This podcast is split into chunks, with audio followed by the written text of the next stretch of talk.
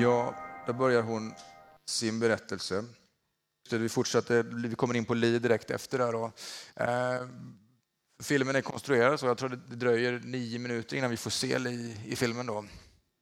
Det är, det är lite djärvt i en film som många tror handlar om är om Lee Morgan. Det kan ju vara en viss besvikelse där då. Även man får se honom på en stillbild och, och uh, höra hans musik mycket i starten av filmen. Då. Eh, så första 30 minuterna av filmen pendlar den ju då mellan just Helens enormt starka berättelse som vi försökte ge utrymme eh, och Lis fantastiska ungdomsår när, när han har, är verkligen uppgående stjärnan liksom, eh, och är helt fantastisk. Eh, och alla älskar honom. Tills han, han faller och, och, det är då de möts när hon plockar upp honom i, i snön i stort sett i New York. Eh, och därefter så, så handlar filmen om, om de båda tillsammans. Då. Eh, Hur eh, tänkte ni när ni jobbade med bildsättningen av hennes röst? Det är en väldigt bra fråga. Därför att det var en enorm utmaning i den här filmen eh, som man insåg, eller jag insåg tidigt då att eh, Lee Morgan är, har jag förstått då när jag jobbat med det här ett tag, att, att troligtvis en av, av 60-talets och sena 50-talets mest fotograferade jazzmusiker på grund av att, att han, han, var den som spelade in kanske flest skivor för Blue Note under de här åren. Och Blue Note bestod av, det var två tyska grundare och den ena av dem var en duktig fotograf och han, han eh, dokumenterade varje session. Eh, och det innebar när jag kom till det här Blue Notes fotoarkiv att det fanns, tror nästan 170 sådana här, Eh, kontaktkartor då, eh, plus att det fanns bilder från massa andra. Så jag tror vi hade nästan 2000 bilder till slut eh, att jobba med. Men när det kom till Helen så hon ogillade att bli fotograferad. och, och från tiden den tidiga tiden för henne så fanns det verkligen ingenting. Och det fanns kanske fyra, fem bilder från henne i New York och sen så fanns det bilder när hon var äldre då, strax innan hon spelade in den här intervjun. Liksom. Så, men däremot så hade vi den här enormt starka kassettbandsinspelningen med hennes röst. Då. Det var ganska lång tid i klippningen när vi konstruerade den. Så kände jag att jag har, jag har väldigt svårt för reenactment. Då. Alltså, lätt hade varit att man hade hamnat och skulle skådespelare och lyfta fram delar av historien lite för tydligt tycker jag. Då. Men det är så övergjort någonstans så att jag fick laborera fram och jag kände att jag, det var en sån där som jag sköt framför mig. Vi klippte filmen med bara, hennes röst var bara svart ganska länge. Vilket var ganska fint också, eh, men det blev lite för avantgardistiskt kanske. Eh, men sen så började jag laborera fram den här, att vi, vi spelade in eh, det här med eh, gamla Bolex-kameror som vi pressade eh, 16 mm film, två steg. Eh, och det skulle bli någon mellanting då mellan Eftersom jag också satt på ett stort arkiv med, med gamla 8 mm filmer från New York själv, att vi skulle matcha det lite grann, men det skulle vara som snippets av sån här home movies-känsla, men också en liten poetisk kombination av poetisk känsla. Men man ville på något sätt få en känsla av hennes värld på några ställen. Eh, och ganska tidigt så insåg jag att då, det var den här filmen jag ville göra där man fick se den här världen som jag älskade så mycket, som jag älskar så mycket, där den här fantastiska musiken kommer ur. Men, men, att få se den från en kvinnas perspektiv tyckte jag var så otroligt spännande och det var en jäkla ynnest att få hitta den här inspelningen och, och försöka bygga upp den här filmen eh, och se vad händer om vi ser på det här utifrån från hennes ögon. Så, så det satt vi sen med några år och försökte pilla ihop. Mm. Men nu nämnde du de här arkiv, för hennes röst är ju en eh, del och sen är det ju mycket arkivmaterial och då nämnde du här att du sitter på ett eh, arkiv med gamla bilder. Hur, eh, hur har du kommit över det? Jo, jag visste att jag hade en liten grund där. Jag gjorde min förra film då, som sagt. Det var lite lustigt. Jag, då var jag så, så naiv. Så man, ibland måste man bara vara så otroligt naiv när man gör filmer. Man tänker att nej, det är, man kan bli så krass när man blir äldre. Bara, jag orkar inte, det är ingen idé, det kommer inte gå. Liksom. Eh, men då behövde jag just så här filmmaterial ganska billigt från New York och USA från 50, 60, 70-talet På den tiden så satte man fortfarande in såna här annonser på helgerna i DN. Så här, köpes, säljes. Så att, eh, det här var 99, så satte jag in köpes smalfilm från New York och, och USA 55 till 70. Så här. Ingen kommer ju svara på det. Det fattar man ju, det är ju ingen som sitter på det. Så första morgonen där klockan åtta så ringer någon och väcker mig. Så är det en man i någon förort, söderförort i Stockholm som berättar att han hade fått en koffert tillsänd sig då, ganska nyligen från en eh, släkting som hade levt stora delar av sitt liv i USA och jobbat som fotograf, filmfotograf på en tv-station. Så han, han var liksom ganska duktig då. Så du kan komma ut så kan vi sitta och kolla på det. Han hade ingen projektor eller så. Jag hade ingen projektor heller. Jag fick tror jag gick förbi en sån här Myrorna och köpte en gammal 8 projektor och så åkte jag ut till honom och så satt vi där en halv dag och kollade på film och det var ju bara en fantastisk idé, fyra, fem timmar smal film och det visade sig att den här mannen i USA, han hade varit ganska ensam verkade som, han går omkring och filmar själv. För annars brukar sådana här material bestå väldigt mycket av såna familjehögtider etc.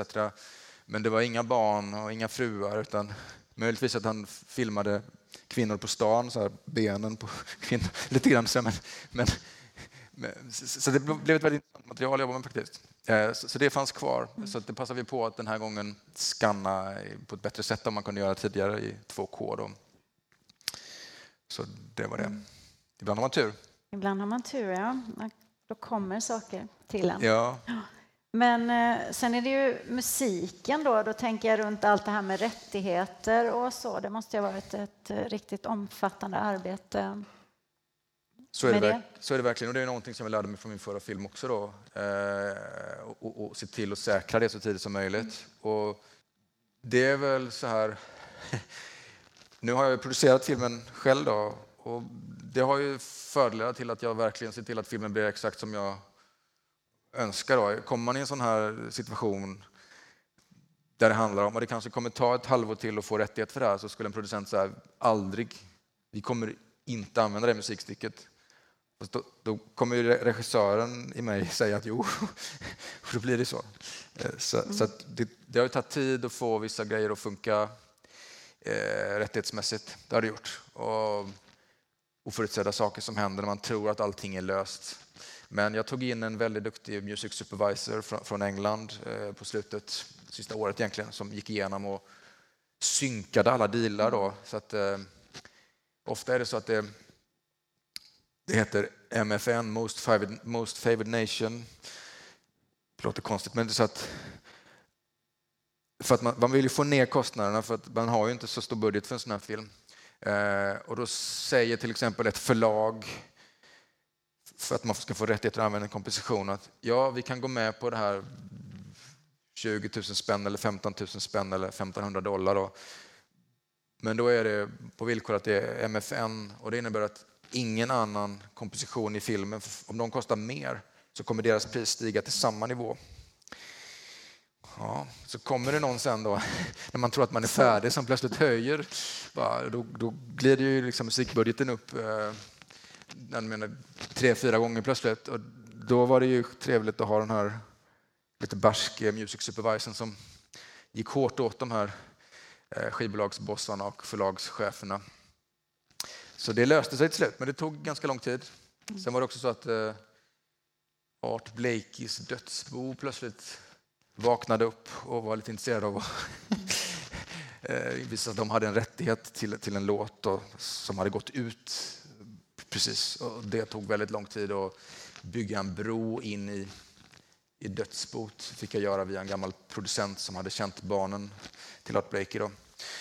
Eh, det tog säkert ett halvår också. Mm. Eh, och det är svårt att förutse när man gör en sån här film, mm. hur man ska lösa det. Men det måste bara lösas till slut. Sen har vi ytterligare en del och det är de här nyare intervjuerna som eh, ni har gjort. Och hur fick ni tillgång till de här personerna och, och var de pigga på att vara med? Var det svårt att balansera också på det här och fråga om vissa saker? Mm. De är otroligt viktiga och det är ju någonting som jag själv älskar, just då, den här intervjubiten och få prata med de människorna och, och de här långa processintervjuerna som man gör. Och det är en otrolig tacksamhet till dem att de har ställt upp. Eh, jag menar, det är ju en sån minst en, en halvdags intervjuer man gör liksom med dem. Eh, och ja, merparten var enkla att få kontakt med och det berodde ganska mycket på att min förra film blev väldigt omtyckt just bland musiker, att de kände att så här vill vi att filmer görs liksom, om, om oss. Så där. Kände jag. Så det fanns ett förtroende. Men sen fanns det vissa nyckelpersoner i filmen som var otroligt trixiga. Som den stora stjärnan i filmen är Wayne Shorter som fick Polarpriset förra året. Eh, han och Lee var väldigt tajta i början av 60-talet, sent 50-tal. Han har aldrig pratat om den tiden. Troligtvis på grund av att det slutar så otroligt hemskt, eh, att, att Lee går ner sig i det här missbruket eh, och de förlorar varandra. Eh, och att det slutar som det gör på slutet också. Och han, har, han har mött mycket problem, Wayne. Han hade en fru som dog för några år sedan också.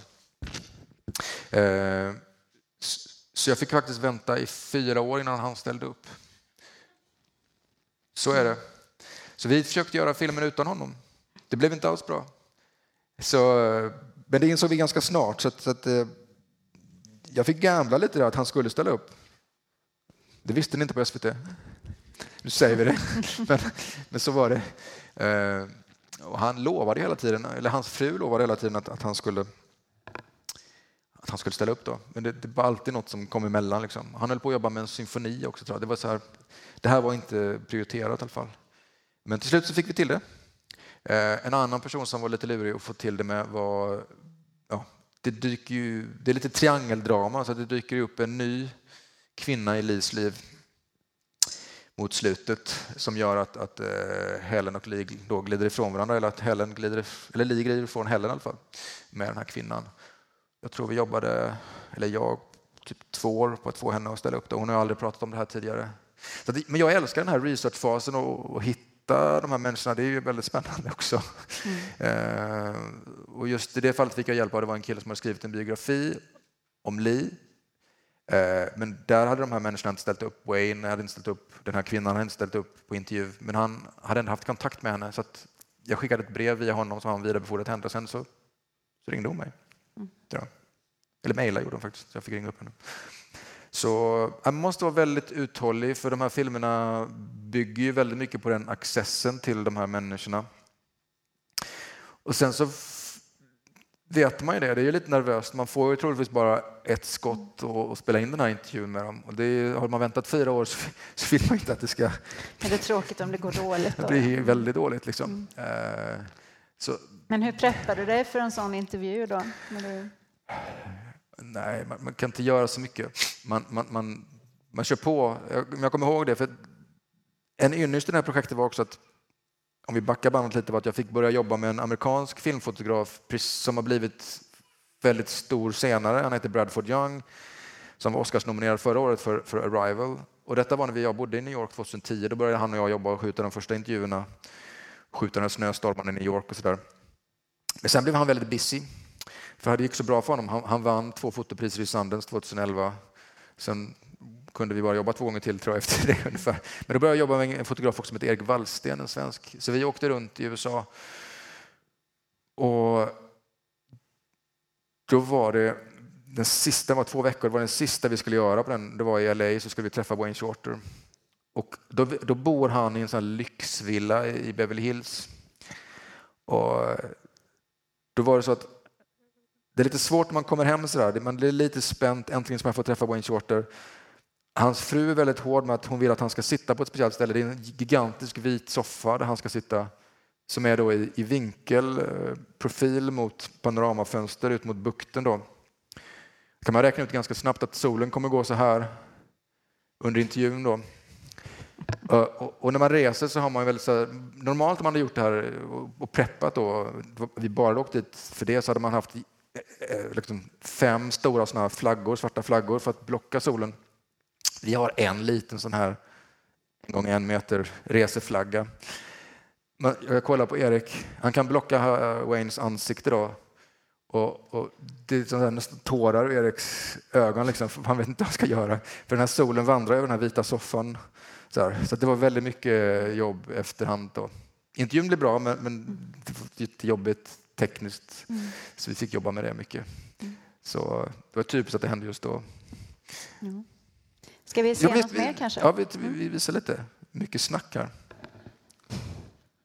Ja. Jo, men jag tänkte, tänkte på det att det ju då också handlar om de här människorna runt omkring och det har varit fint för mig när jag, jag har gjort flera Q&As med flera av de medverkande när han har haft premiär i USA och på olika festivaler och sen biografpremiärer.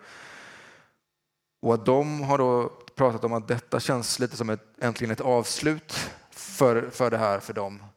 Och, och se den här filmen och att få det här lite bearbetat då. Eh, att det, de har nog inte heller träffats och pratat om det här. Liksom. Det är inte något man sitter och småsnackar om. Eh, så jag tänkte visa ett klipp alldeles i början av filmen med tre av de här personerna. Det här är del av introt till filmen. Då.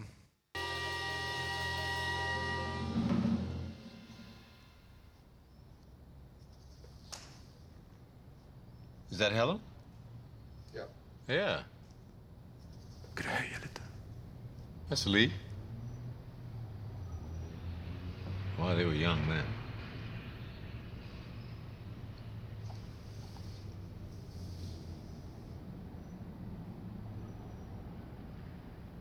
I just couldn't believe it. Didn't know what to think. Because they were both together. They were always the people we related to, both of them.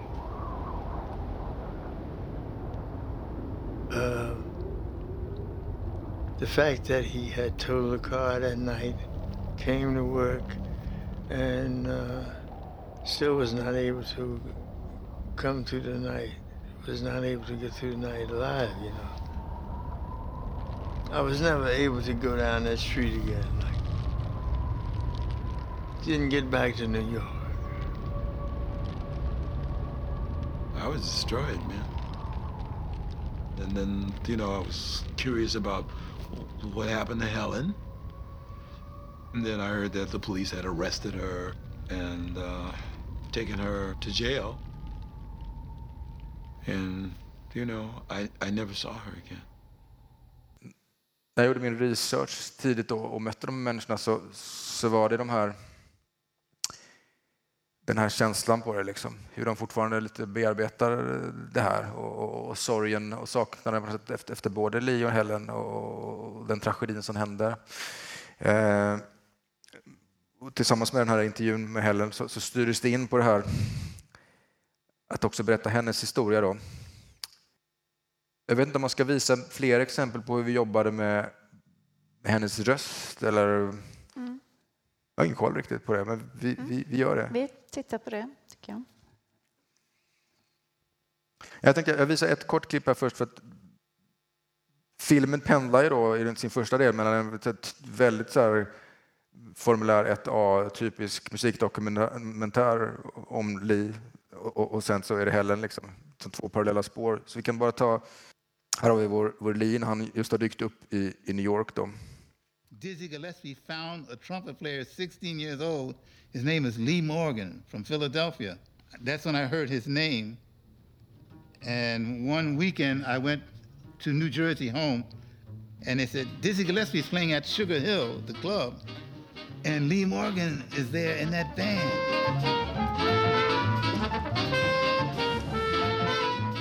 So I went to the Sugar Hill and I saw the band and Dizzy Gillespie was soloing. Then he would stop. Then the next thing I saw, this young Lee Morgan stand up and started playing.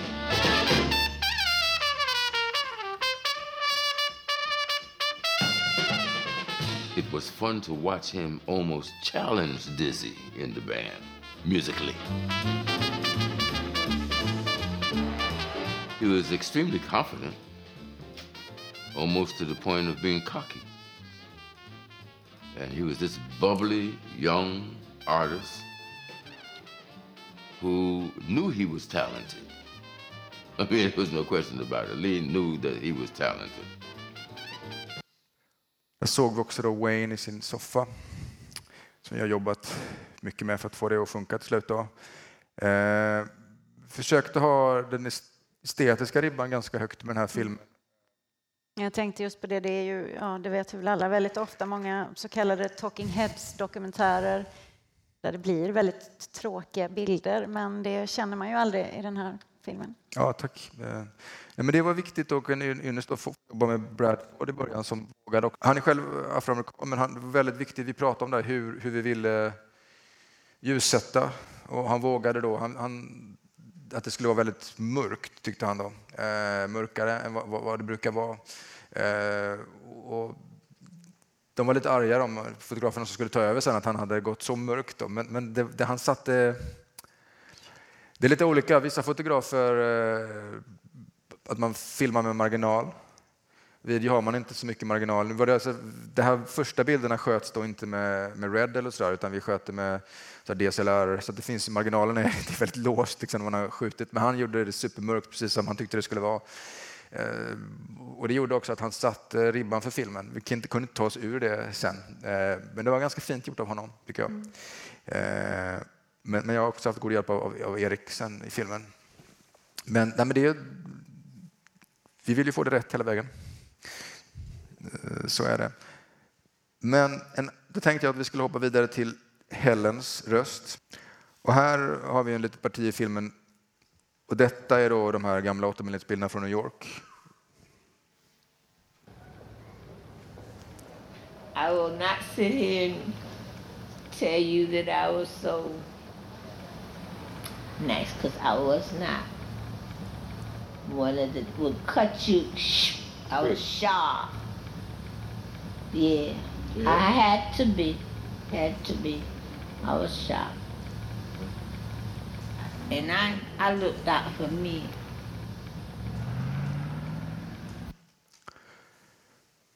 Och det var en liten seger att det här är ju då rullar som har legat sedan 58 Eh, och att det ändå gick att skanna dem så pass bra i 2K, det tycker jag är, det är otroligt, så gamla Kodakrom, hur, hur det står sig i färgerna.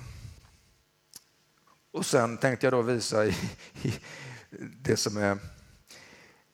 Det här hade jag väldigt svårt för. Då. Det, det, är ett ställe i filmen där det är lite reenactment. Då. Det är lite pinsamt tycker jag, men vi var tvungna att göra det. Mm. Jag ska visa det som jag skäms lite över. Då. Ska jag mm. göra det? Det, eh, det här tog emot. Men det, Helen hade ju en lägenhet på 53 gatan och 52 gatan var ju jazzgatan. Liksom, så hon bodde ju precis i smeten där och, och många hängde hos henne eh, på after hours. Liksom. Och hon var suverän på att laga mat och bjöd alla på mat. Så detta är en fest hos Helen vi kommer in i idag. Som vi då har lite nyfilmat material. Ni får hålla i er. Mm. Eh, och så dyker också, i början så berättade Helen om att hon lämnade två barn bakom sig då, som hon fick när hon var 13 och 14. Den ena sonen är med i filmen. Han dyker upp här också. Han träffade sin mamma första gången när, hon var, när han var 21. Då. My apartment was like an open house. It was always beans cooking, always cook, come to dinner, you eat go by Helen's house. My house at 53rd Street was the place.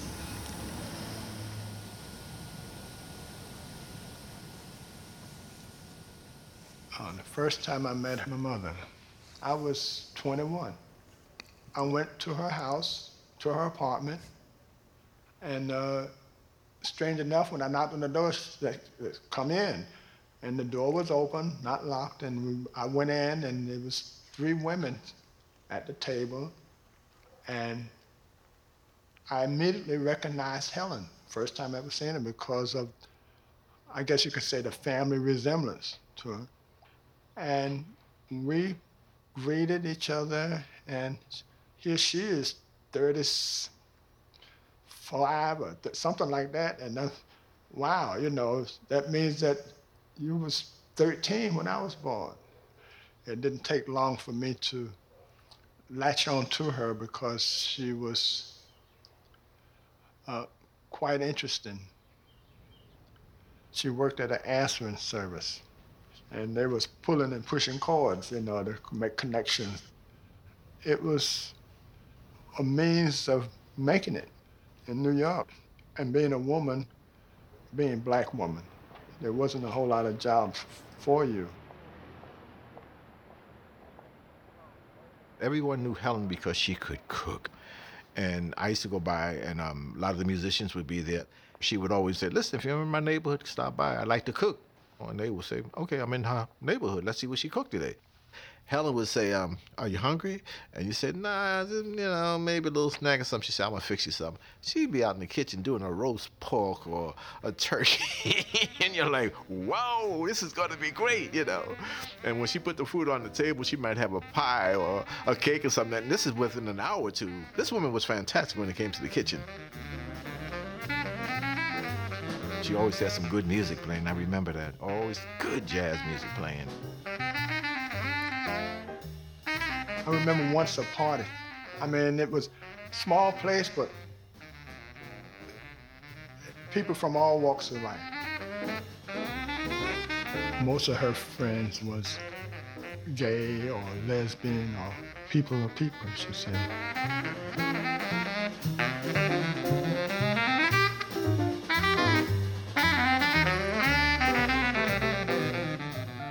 I remember this.